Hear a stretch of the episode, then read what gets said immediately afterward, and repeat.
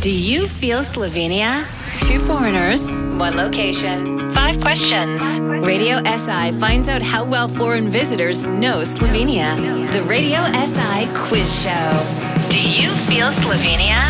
Uh, welcome to Slovenia. This is the Do You Feel Slovenia quiz show. We have two guests today here, right by the uh, Lake Bohin, and with us is. uh, Francis Guard and Evie. Evie. Okay, and you're both from where? The UK. Yes, the UK. I'm from Norwich. I'm from Bristol. How do you guys know each other? Um, she's my mum's best friend. And why did you decide to visit? It's the most beautiful place ever. It's so underrated, isn't it? The lakes are just so gorgeous, and yeah, it's perfect. G- Great weather too, most of the time. We went for a swim this morning at about seven o'clock in this morning, and because it was raining, there was no one there, and it was raining on the surface of the water. But the water was super warm, and it felt like being in the tropics. It was really peaceful. We loved it, didn't we? yes, it was gorgeous. Yeah. Sounds great, yeah. Well, this is a quiz show, five questions. Uh, Are you ready? Yes. Yes. Question number one. So, the Trenta Valley, which is right over here, over the Triglav uh, mountain and the surrounding mountains, which you can see right here, it is also called the land of. So, the Trenta Valley is also called the land of emeralds, a thousand lakes, or the gold horn. B. Land of a thousand lakes? No! I'm afraid not. The gold horn. Yes. Yes! That's right. Yes! and that's uh, one point for you. First point. Question number two. Uh, close to where we are, there's a stream called Martulek.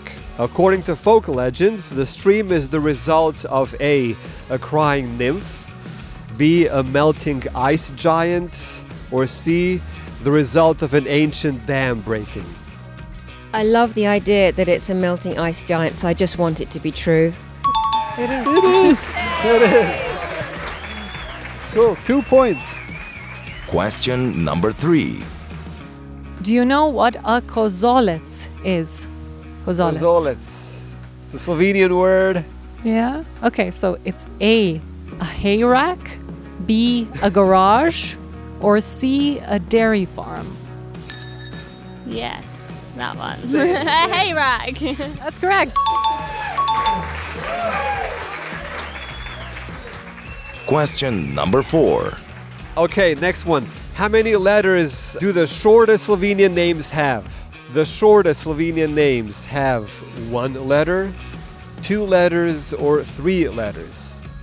Short names are popular. What do you think? Three. No! Two. That's right. Yes! According to statistics. Comebacks. and Lu Tai Li.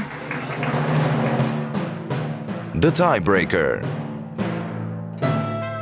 Okay, so Lonely Planet ranked Slovenia as one of the top 10 countries to visit in 2022.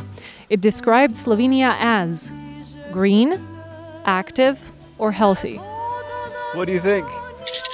They may all be true, but one is. Double three. No, it can be Oh, only one. All, Uh, all three may be true, but the- only one is. Green. Yes. Green. Yes! Green is correct. Green! Green! You're the winner! I'll share my prize with you. Thank you. Thank you.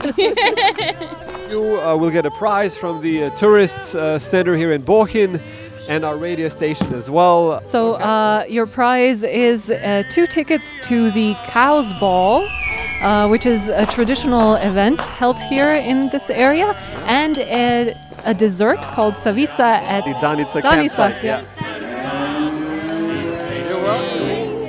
pleasure to be here. We love you guys. How well do visitors know Slovenia?